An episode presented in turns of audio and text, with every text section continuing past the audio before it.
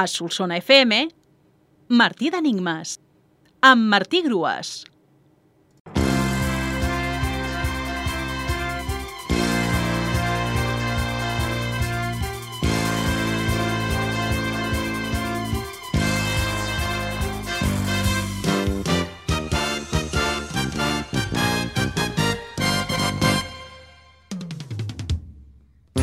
L'enigma de divendres era pot ser de fusta o aromàtic, de quatre lletres, i la resposta era timó.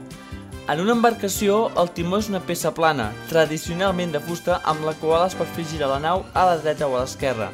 D'altra banda, el timó és una herba molt aromàtica que també coneixem amb el nom de farigola. Hola a tothom, benvinguts a Martí d'Enigmes, al programa de Solsona FM que us vol fer jugar amb la llengua catalana. Falten ni més ni menys una setmana per la gran final del Martí d'Enigmes i com hem fet des de mitjans de maig, seguim amb els enigmes del pot ser.